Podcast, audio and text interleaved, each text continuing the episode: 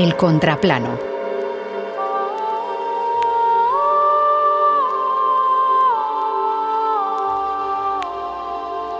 Ciudades santuario.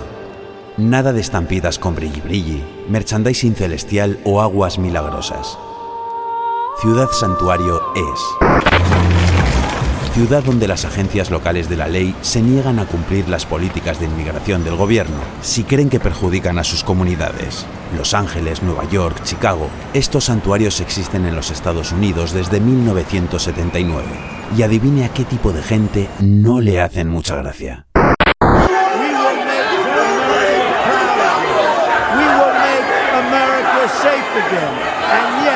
Together, we will make America. Republicanos amantes de las fiestas de disfraces con temática bisonte.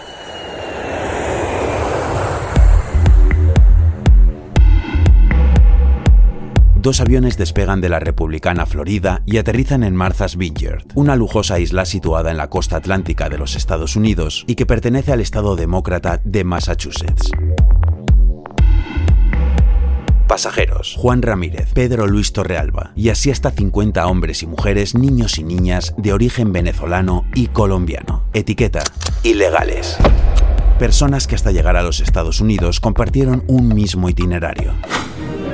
Meses de infernales caminatas por selvas, montañas, acantilados y ciénagas. Secuestros, violaciones, enfermedades, zetas, robos, extorsiones. Destino. USA. El sueño americano.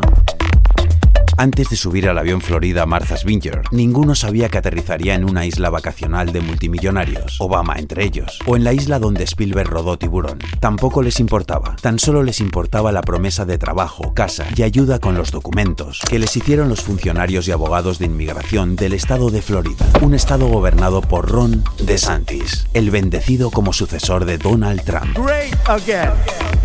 Viajes y promesas que no son nuevas en los últimos meses, con las republicanas Texas, Arizona o Florida como punto de partida y los estados demócratas del norte como punto de llegada. Presión política. Pasajes bajo la excusa de inseguridad fronteriza. Los pasajeros.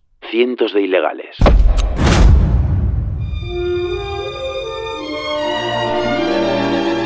Y así los pasajeros del Florida Martha's Vineyard se vieron en medio de un paraíso de mansiones, yates y Ferraris, donde la gente come hamburguesas de 30 euros y bebe batidos a 10.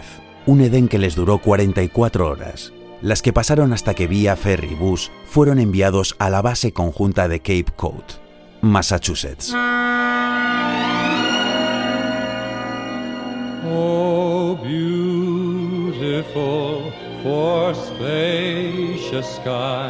Una base militar donde recibirán refugio y apoyo humanitario, un espacio donde mientras duerman sobre un camastro militar, quién sabe, tal vez logren soñar con un sabroso futuro con sabor hamburguesa 30 euros. Si antes consiguen digerir la pesadilla de saberse meros condimentos triturados y espolvoreados en el gran pastel político electoral.